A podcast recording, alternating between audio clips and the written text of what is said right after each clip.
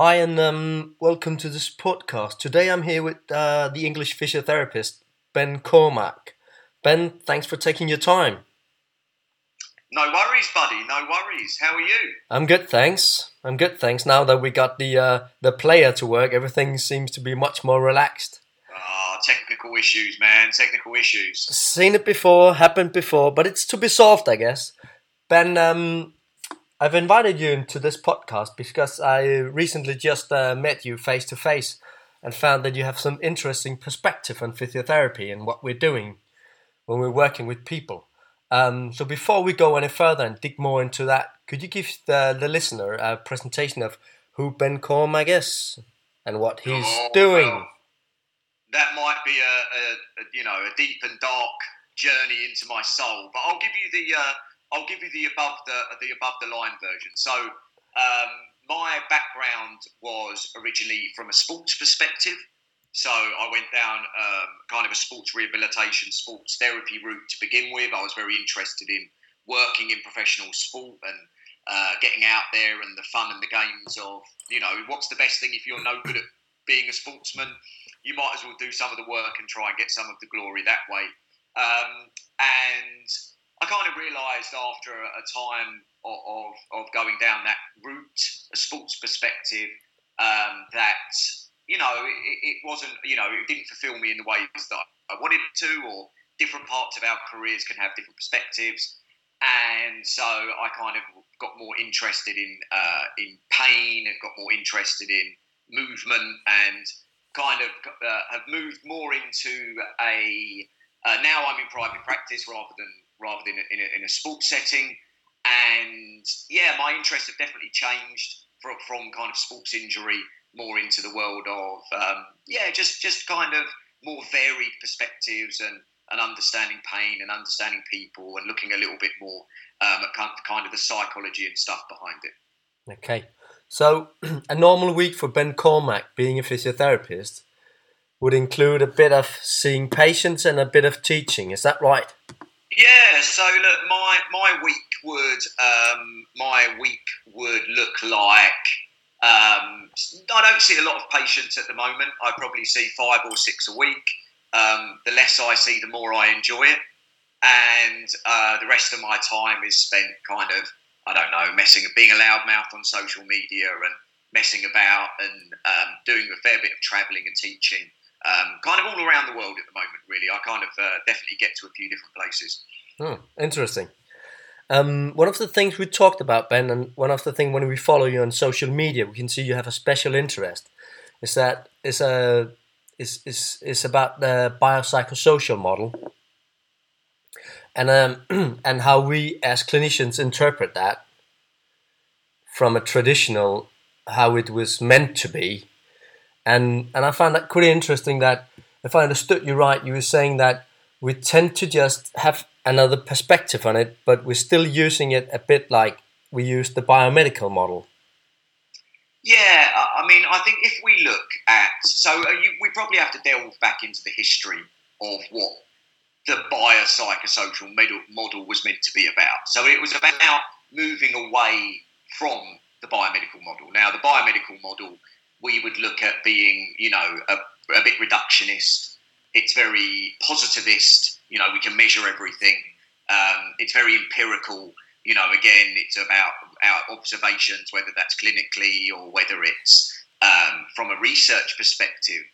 And it's very much about treating the problem, isn't it? We need to find the problem. We need to treat it, you know, in whatever way we do it. From a doctor's perspective, that might be drugs. From a perspective of a surgeon, that might be cutting something out or repairing something. From the perspective, uh, maybe of a therapist, it might be sometimes, you know, again, it possibly has now become trying to find the pain and getting rid of the pain and you know and i suppose my perspective would be the biopsychosocial model was really about meant to be about the human being the individual the person with the problem it was a wider perspective of understanding in which we're trying to appreciate the individual we're working with has a wider social context. They have a work context. They have a family context. Um, they have relationships. We're embedded in a social world. And all of these things can influence us and also influence our behaviours and our problems. Now, one of the issues I think is where you know we viewed um, doctors view a disease and surgeons view a uh, you know a, a, something to be a lesion or a pathology that maybe now we have taken pain and it's now you know the problem to be treated. And we need to also appreciate that the, there's the effects on life and the effects on people and their emotions and their relationships. And the suffering aspects might be more problematic than the pain itself but the question is have we taken the biopsychosocial model and viewed it through a biomedical lens? Well if we think about you know pain drivers and you know things that are associated with pain yeah. the essence of these things always comes back to we now have more things to treat but we're still looking to treat rather than appreciate. Yeah. So if you elaborate the difference between uh, treat which i think is is pretty obvious but what do you mean by uh, appreciate well i think the best way i've heard of describing the biopsychosocial model is a philosophical model of care. So it's an appreciation of this individual within their context, and that might affect how they interact with you. That might affect how they um, interact with your interventions, how it interacts with behaviour change. It might affect their motivational levels. So this is going beyond simply um, treating people. This is the context in which they operate and they exist and that has an effect on treatment, but also it has an effect on that person and how they interact with treatment. And, and I think that's the key thing. Yeah. That we get bogged down in the thing that we're doing to people without ever looking through at their lens. You know, exercise is a great example. We could say, well, you just need to exercise more, that will sort your sleep out. Or, you know, exercising gets rid of pain or whatever you know, but a biopsychosocial perspective, uh, in its truest sense, may appreciate that person's individual context. So, have they got access to available resource to do these things? Do they have motivation to do it? Do they have the grit to do it? Do they are they um, you know are socioeconomically? Do they have the time to do it? Do they have the time to to get involved in the things that we want them to do away from their work pressures and their life pressures. So it's not just about what drives pain, although those things might drive pain, those things might also affect someone's interaction with the intervention itself. Yeah. So it's it's a bit like we people we have an example. The patient has disengaged from all kinds of social activity. So it's it's we're not solving it just by making her more social again or suggesting we, she should be social again because we don't know if she actually has the opportunity to be social again. Could we say, could put it like that? Yeah, it's very easy to turn around and find the problem and find the solution. Yeah. Isn't it? Oh, so social factors influence pain. You need to be more social. Yeah. Genius. What a genius that is. but at the end of the day, if it was as simple as that, there wouldn't be any problems, would no, there? No, you know, we have what do we need to do? How do we help people maybe navigate their social environment? Yeah. What resources and groups can we point them towards? Do you see what I mean? It's yeah, going yeah, beyond, yeah. So it's going beyond just seeing it as, as a just a simply problem treatment perspective. Yeah. So it's back to having a too linear perspective on it. Well, I mean, one of the things we all know about human beings is they're very, very non-linear, aren't they? Yeah, they're, they're exactly. Very complex. And sometimes we look at the inner workings of things, we look at mechanisms and things like that. And sometimes we need to zoom out rather than zoom in and think, how can I help this person on a more pragmatic level? And I think sometimes pragmatism is really, again, another essence of the biopsychosocial model because you're actually, you know, looking at the world through someone else's eyes and thinking, how might I navigate this environment? Yeah. You know, and I think that's a truly biopsychosocial perspective rather than just saying to someone, you just need, you know, this is the painful problem, this will sort it out. You know, it, that might not, that that's probably too simplistic a view. Yeah, I agree. So if we look at one of the things we normally do um, when we're working with people, and I know, I guess it's your bias, it's definitely my bias. I like to give people exercises or yes. phys- physical activity and stuff like that So let's point our our nose in that way. Um, we, we know there's, there's there's heaps of good reason for advocating physical activity. Um, and we know that most patient groups actually uh, respond uh, quite well at it. When we're looking at, for example, their functional level, they might not react on long term very good when we're looking at pain, but it could be something uh, else going on with physical activity. But we also don't know if the physical activity always does what we expect it to do, like gaining strength or hypertrophy or stuff like that. It might have something else going on in there why people start to get better. Do you agree on that point? Would that be Well, fair? I think when we look at the, the data behind exercise, what we see is we haven't really worked out how it works. And what that opens up is the idea that it has multiple ways of working. And I think, again, that would be a biopsychosocial perspective that for some people, we talk about social engagement. So, does an exercise class help someone socially engage? So, it might be that the exercise physically or even uh, neurophysiologically or psychologically doesn't have a huge impact. I don't know. But maybe it fulfills another role of helping people to socially engage with other people. So, does the type of does it matter if it's Zumba or Pilates or sexercise or I don't know or or, or pole dancing or, or whatever? I don't know. You know, there's various bizarre kind of crazy exercise Yeah. classes. Does the type matter? I don't know. But does the perspective matter that um, that it fulfills a certain aim? And I think sometimes our perspective around exercise is narrow.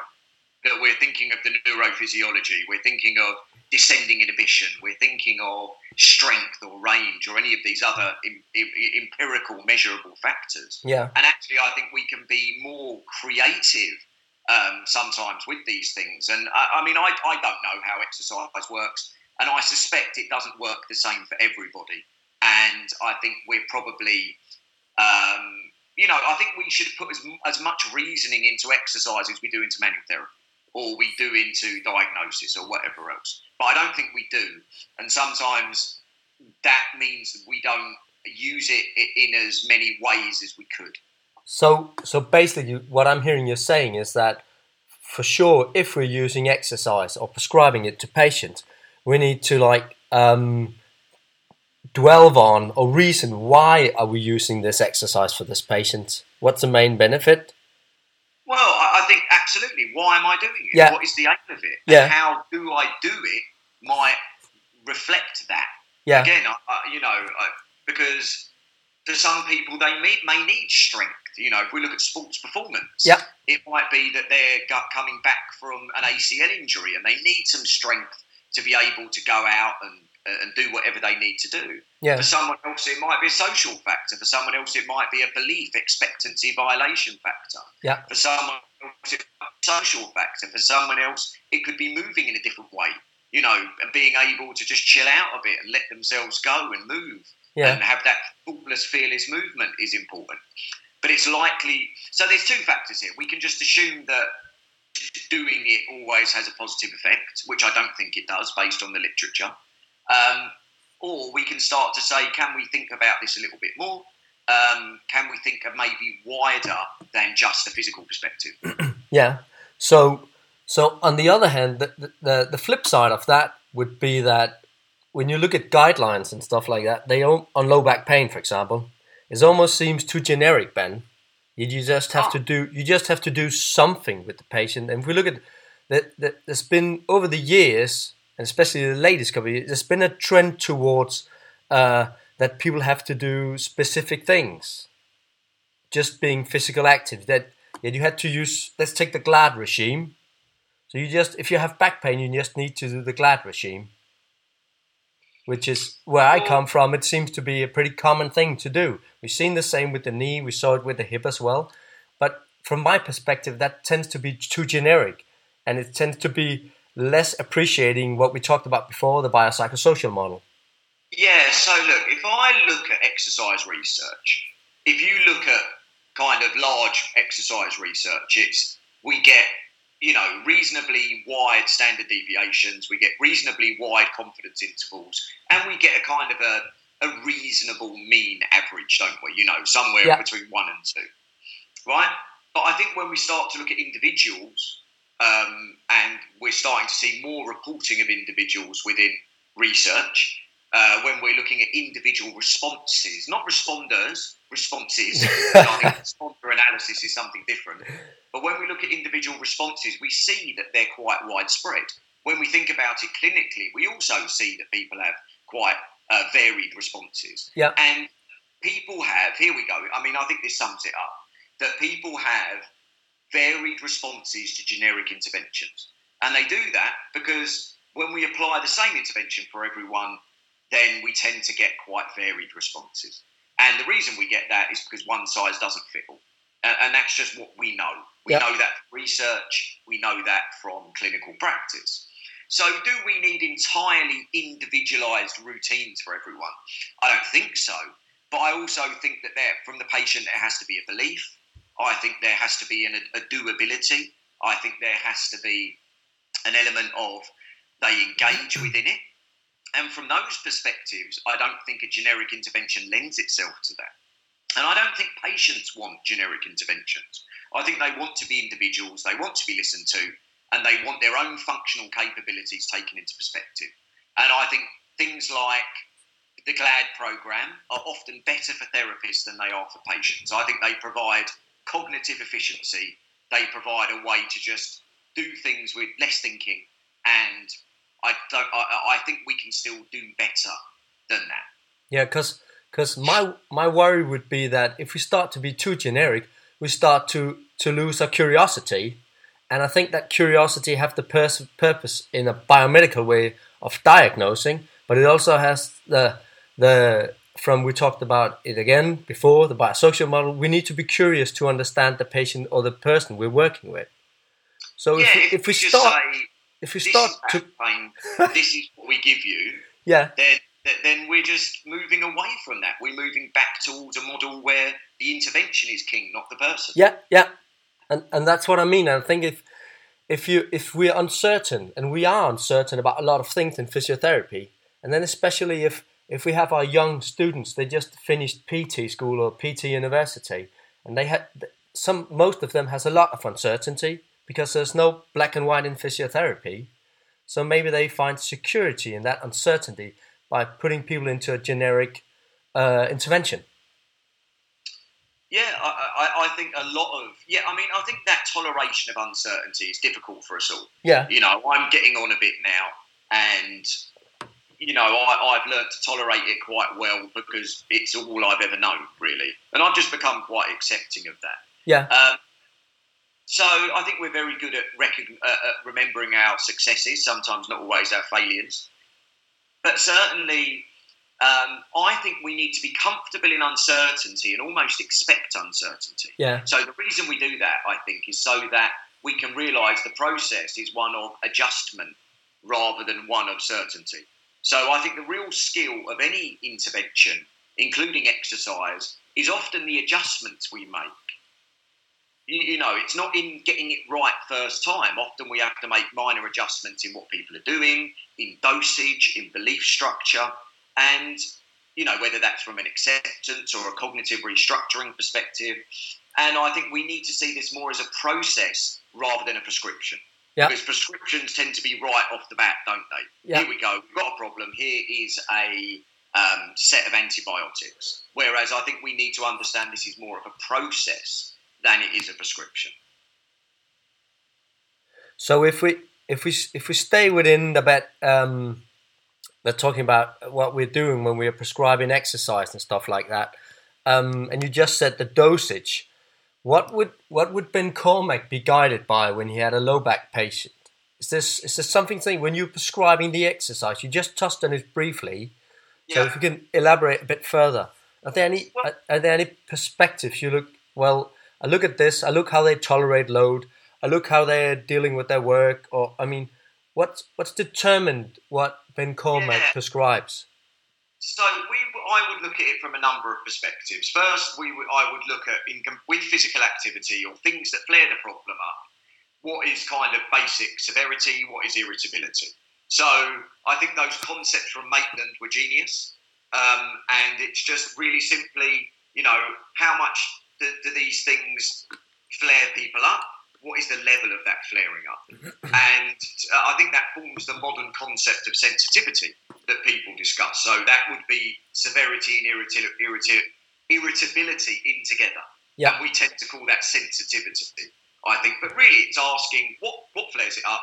How much of it do you need to do? How long does that last for? How long does it take to settle back down again? And then you can decide to decide if this is something that's highly sensitive, highly irritable, or if it's something that maybe is less highly irritable. And again, the more irritable, I at the beginning would like to think that uh, that would probably affect my dosing. That I'm thinking that you know maybe we'll start on. Well, the one thing I don't want to do is ruin people's trust and confidence in me by flaring them up. So I need to adjust my dosage accordingly to be a positive dosage. Now, people talk about underdosing. Now, the thing with underdosing is sometimes in the desire not to underdose, we can overdose for the current level of the person. So I think we need to think about it again as a process. So where we start isn't where we finish. My aim is always at the beginning to find something that's beneficial and that I can build on to get people to a level that's um, beneficial to them. And I think one of the problems with, uh, you know, uh, kind of traditional therapy exercises is that they don't tend to progress very well. They tend to be, you know, uni exercise. Here's one or two exercises. They don't tend to change in complexity or volume, or you know, it seems to be one prescription three times a day that has the same kind of effect all the way along. And I sometimes think that doesn't take into account the beginning or the end of the patient, where we need to start a bit lower and build up versus just doing the same thing the whole way through. Yeah. And I, I think, it, and that comes back to the fact that if we try to involve our patient, I think it's quite easy to for them to get an understanding that what we're doing is the process. Yes, hundred percent. Yeah, I, I, uh, it really not. I don't really think it's that difficult. That's not the same as saying it's always successful because it's definitely not.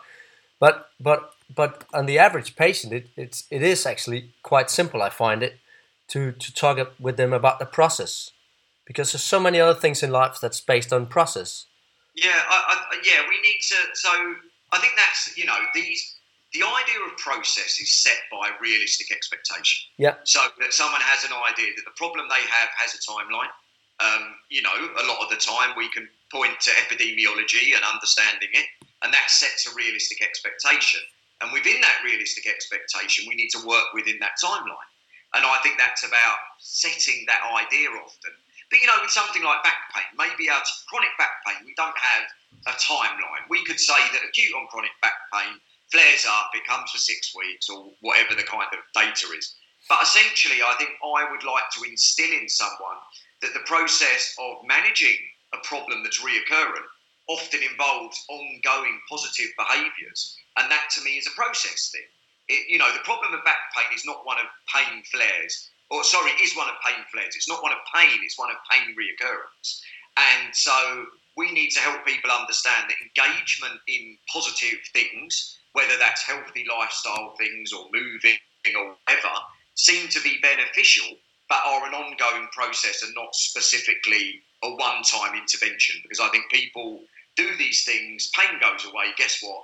pain goes back and it becomes that kind of acute on chronic flare up situation. Yeah, agree on that. Um, but then, then again, as you said, with the chronic population, we don't really have, we, we, we're not as good. We can't rely too much on the data then in telling people that prognosis is going to be going to be very good. They're going to be better in six weeks. So maybe that comes back to sometimes do we actually show the uncertainty and is that how do how do our patients accept that?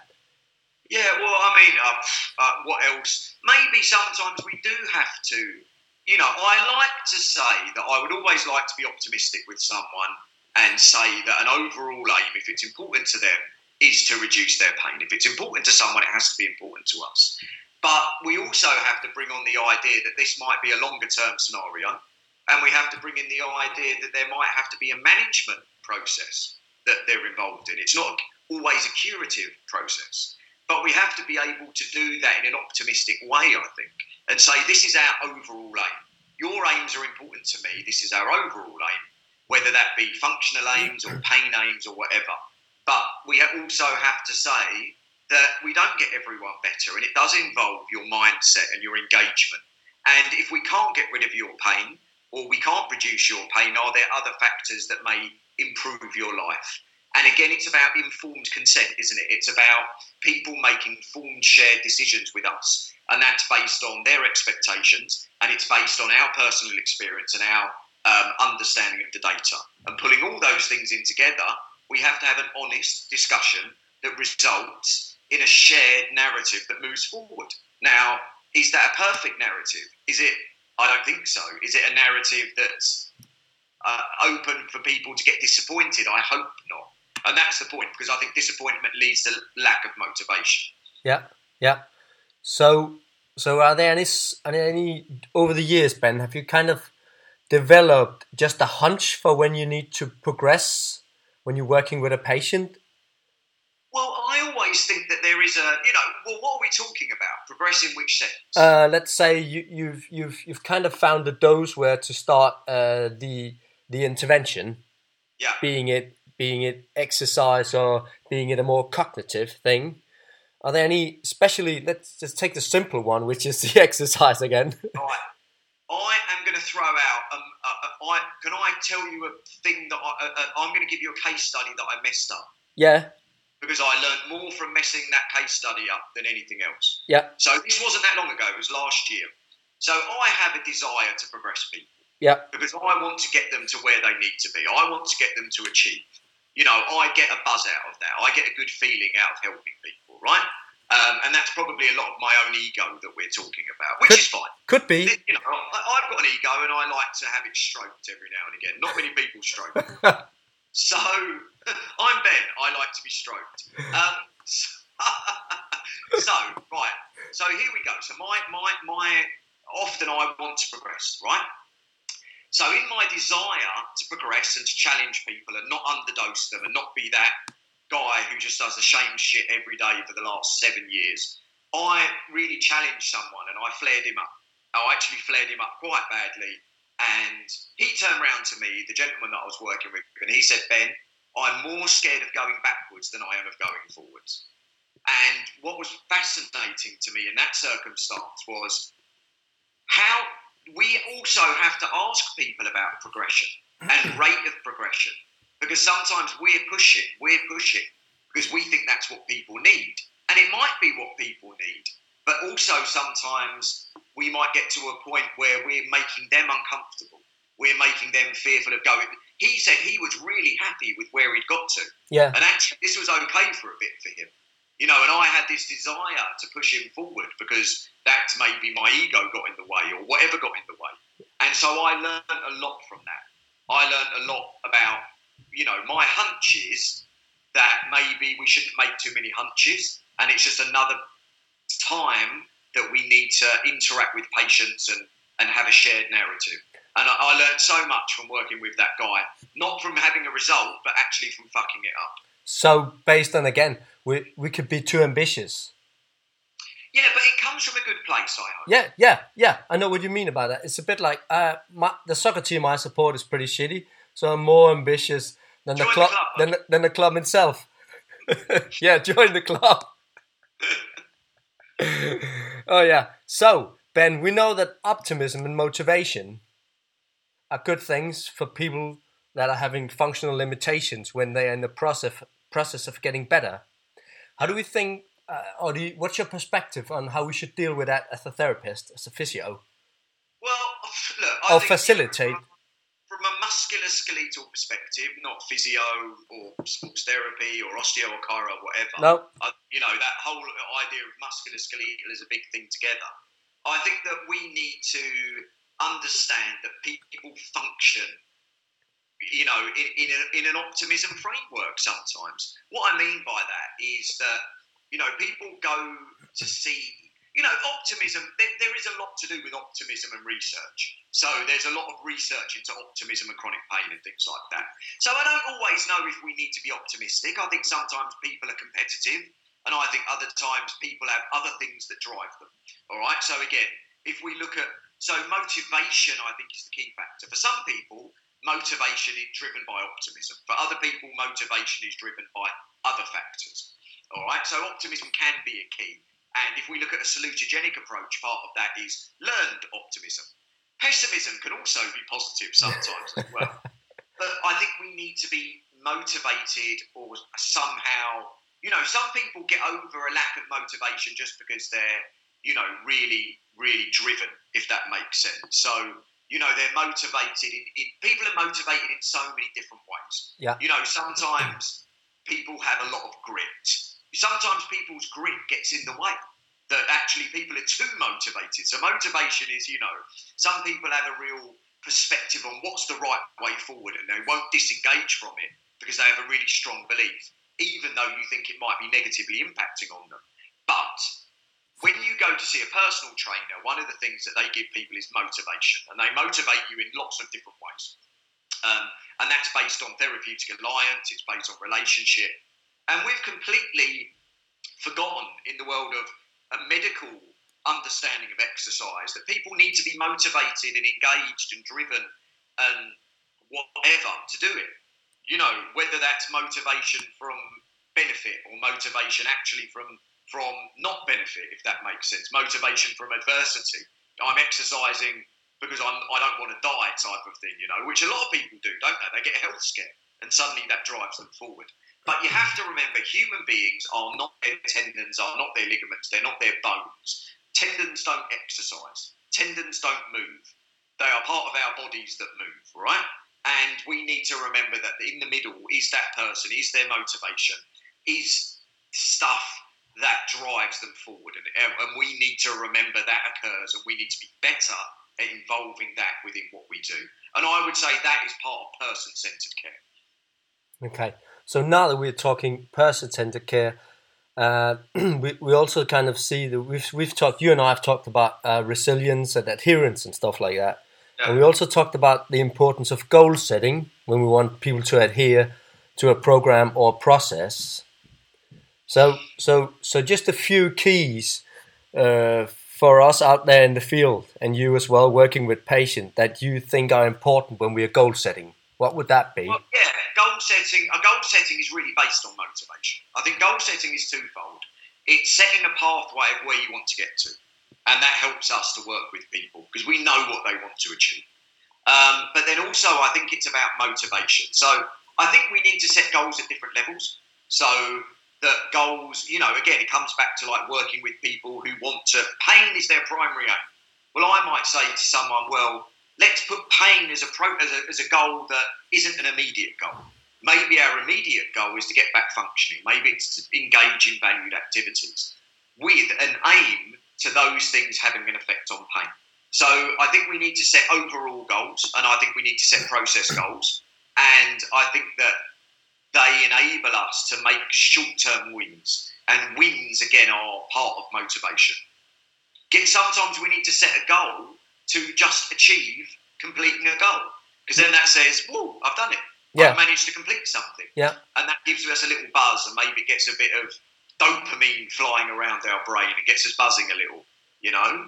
Um, I also think we need to have goals that are often, I think we set goals for patients. You know, we need to be more active. You need to be more active. And do these things fit with the values of the patient? You know, why do they need to be more active? How do they how does this tie into me as a person? How does it tie into my values and my perspective and my view of who I want to be? Yeah. And I think sometimes having a vision of who we want to be as a goal can be really important, and that has to be set through our values. I want to be someone who engages in regular activity. That is my vision of myself as a healthy, functioning person.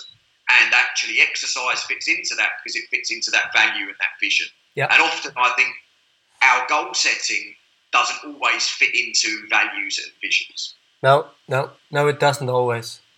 And I think it's also about the goal setting. From my perspective, uh, when, when, we look into the world of psychology, I guess it was Tamar Pincus who said that it's much more easier for people to buy into a process when they start to experience that the process is actually moving them along in the right direction. Yes.